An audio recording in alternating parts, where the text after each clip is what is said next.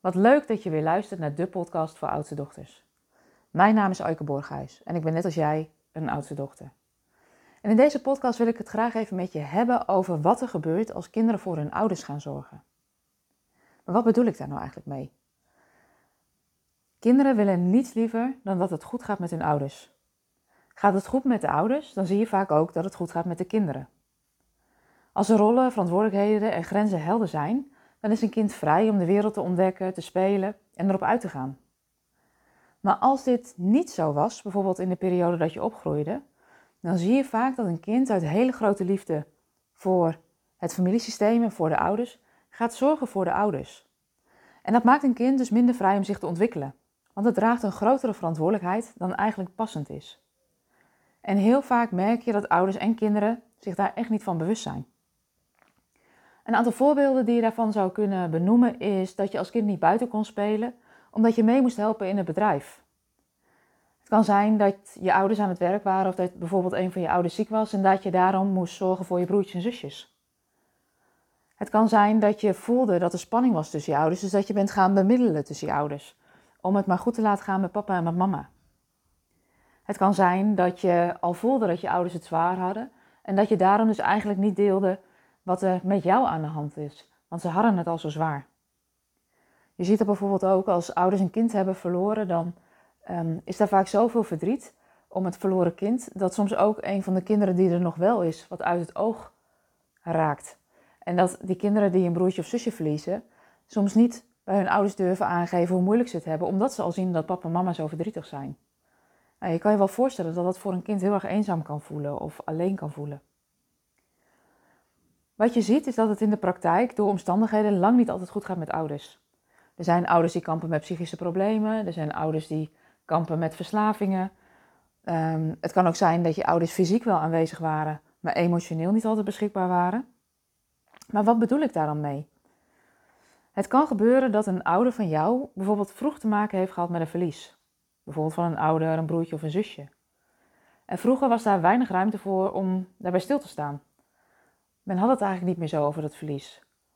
Als er een miskraam was geweest of een kindje was overleden, dan werd vaak gezegd: joh, je hebt nog zoveel andere kinderen om voor te zorgen. Als je het er niet over hebt, dan is het er niet. En daarin zie je dat dat verdriet vaak naar binnen sloeg.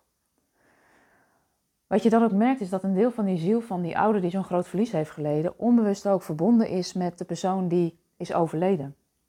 En daardoor dus minder aanwezig kan zijn in het hier en nu. En wat je dan soms als kind wel kan ervaren, is dat het je eigenlijk aan niks ontbroken hebt. Dat zijn vaak ook de oudste dochters die bij me komen die zeggen: Ik heb niet zoveel meegemaakt. Mijn ouders zijn liefdevol, ik heb altijd een dak boven mijn hoofd gehad. Uh, voeding, onderwijs, kon studeren.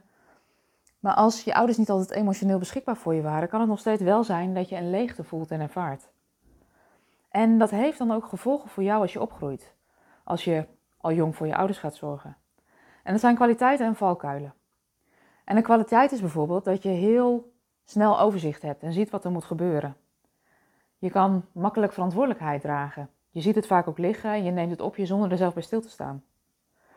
Maar de valkuil daarvan is, is dat je, als je taken van anderen overneemt of voor anderen zorgt, dat je je misschien minder vrij voelt om je eigen keuzes te maken. Je voelt bijvoorbeeld ook niet wanneer het klaar is met zorgen. Want het is eigenlijk niet je opdracht. Dus dat gevoel van nooit klaar of nooit goed genoeg zou hier wel eens mee te maken kunnen hebben. Wat er ook gebeurt is dat als je gewend bent om het altijd alleen te doen en op te lossen, dat het verbinden met een ander soms lastig of moeilijk is. Als ik in de praktijk met opstellingen werk, dan gebeurt het regelmatig dat ouders zo in beslag genomen worden door hun eigen pijn en verlies, dat ze hun eigen kinderen niet helemaal kunnen zien. Dat kan bijvoorbeeld voorkomen omdat ouders zo verbonden zijn met het verdriet dat ze hebben, dat ze hun andere kinderen niet kunnen zien. Wat daarin belangrijk is om te weten, is dat dat vaak geen bewuste keuze is van ouders. Want ik denk dat iedere ouder het beste voor heeft met zijn kinderen. Iedereen wil dat het goed gaat met zijn kinderen, net als dat kinderen willen dat het goed gaat met hun ouders. Wat je dan in de praktijk ziet, is dat een deel van de ziel van de ouders eigenlijk niet helemaal meer aanwezig is. Die pijn of dat verdriet voor bijvoorbeeld het overleden kindje of de overleden ouder was zo groot dat ze minder beschikbaar zijn voor de kinderen die nu opgroeien. En dat gebeurt dus onbewust. En dat is vaak ook geen kwestie van onwil, maar echt van onkunde.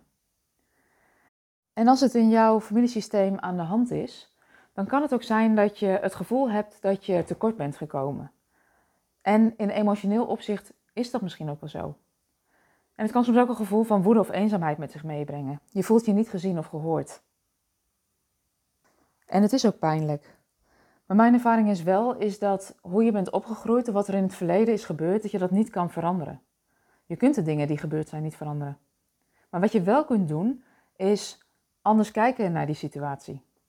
Het is nooit te laat om een gelukkige jeugd te hebben gehad. En als ik dat zo zeg, dan klinkt dat makkelijk en dat is het niet. Dat weet ik ook. Het vraagt van je dat je het leven van je ouders aanneemt en dat je zelf zorgt voor de rest. En wat daarin wel bijzonder is om te realiseren is dat ja, jou, jouw ouders ook ingebonden zijn in dat familiesysteem. En dat jouw ouders ook eigenlijk de enige mensen zijn die jou op de wereld hadden kunnen zetten. Je bent geboren uit de helft van het DNA van je vader en de helft van het DNA van je moeder. En wat daarin ook belangrijk is, is op het moment dat jij dus negatief denkt over je vader of je moeder, is dat je eigenlijk ook een deel van jezelf onbewust afkeurt. En wat ik in de praktijk veel zie, is dat het soms makkelijker lijkt om boos te blijven op je ouders. Om boos te blijven op, dat je voor ze bent gaan zorgen. Om boos te blijven op wat je zo nodig had, maar niet hebt gekregen. En boos blijven op je ouders lijkt soms ook makkelijker. Maar ik weet ook dat erkennen wat er is geweest, dat je misschien dingen hebt gemist, dat dat eigenlijk heel veel ruimte geeft om je eigen keuzes weer te maken op langere termijn. Want het feit dat je ouders misschien niet altijd voor jou hebben kunnen zorgen, heeft vaak niet te maken met onwil, maar met onkunde. En het levert je ook een heleboel kwaliteiten op, want je kan verantwoordelijkheid dragen. Je weet wat er moet gebeuren, je ziet wat er nodig is. Dat zijn ook kwaliteiten die je op andere plekken goed kan inzetten. Als je merkt dat die kwaliteiten je belemmeren omdat je erin doorschiet, dan kan het heel erg helpend zijn om eens een familieopstelling te doen.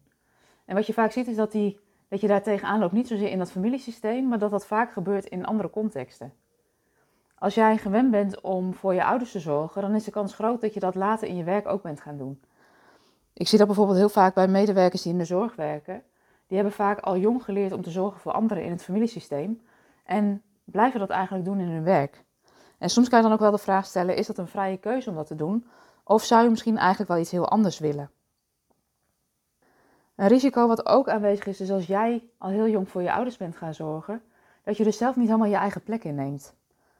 Het risico daarvan als je zelf kinderen krijgt, is dat je dus ook niet helemaal op je plek staat en misschien ook wel niet altijd even beschikbaar bent voor je kinderen. En dat het patroon zich eigenlijk herhaalt, dat jouw kinderen ook proberen te zorgen voor jou. En dat maakt je kinderen ook minder vrij. Dus soms kan het ook al helpen om je heel bewust te zijn van wat is nou mijn plek en hoe kan ik die nou innemen, zodat je je kinderen ook vrijer maakt of meer ruimte geeft om hun eigen pad te bewandelen. Dus zorgen voor je ouders levert heel veel kwaliteiten op, maar kan soms ook een valkuil zijn. Dus als je merkt dat je vaak veel verantwoordelijkheid op je nek neemt, dat je eigenlijk altijd zorgt voor anderen, dan kan het helpend zijn om eens te onderzoeken: neem ik eigenlijk wel mijn eigen plek in dat familiesysteem? Op je eigen plek staan in dat familiesysteem geef je namelijk kracht en ruimte om de dingen op je eigen manier te doen. Zijn we aan het einde gekomen van deze podcast, waarin we het hebben gehad over wat er gebeurt wanneer ouders voor hun kinderen gaan zorgen. Mocht je nou meer willen weten of mocht je dit interessant vinden, abonneer je dan op de podcast, want dan krijg je steeds een berichtje als er weer een nieuwe aflevering online staat. Voor nu wens ik in ieder geval een hele fijne dag.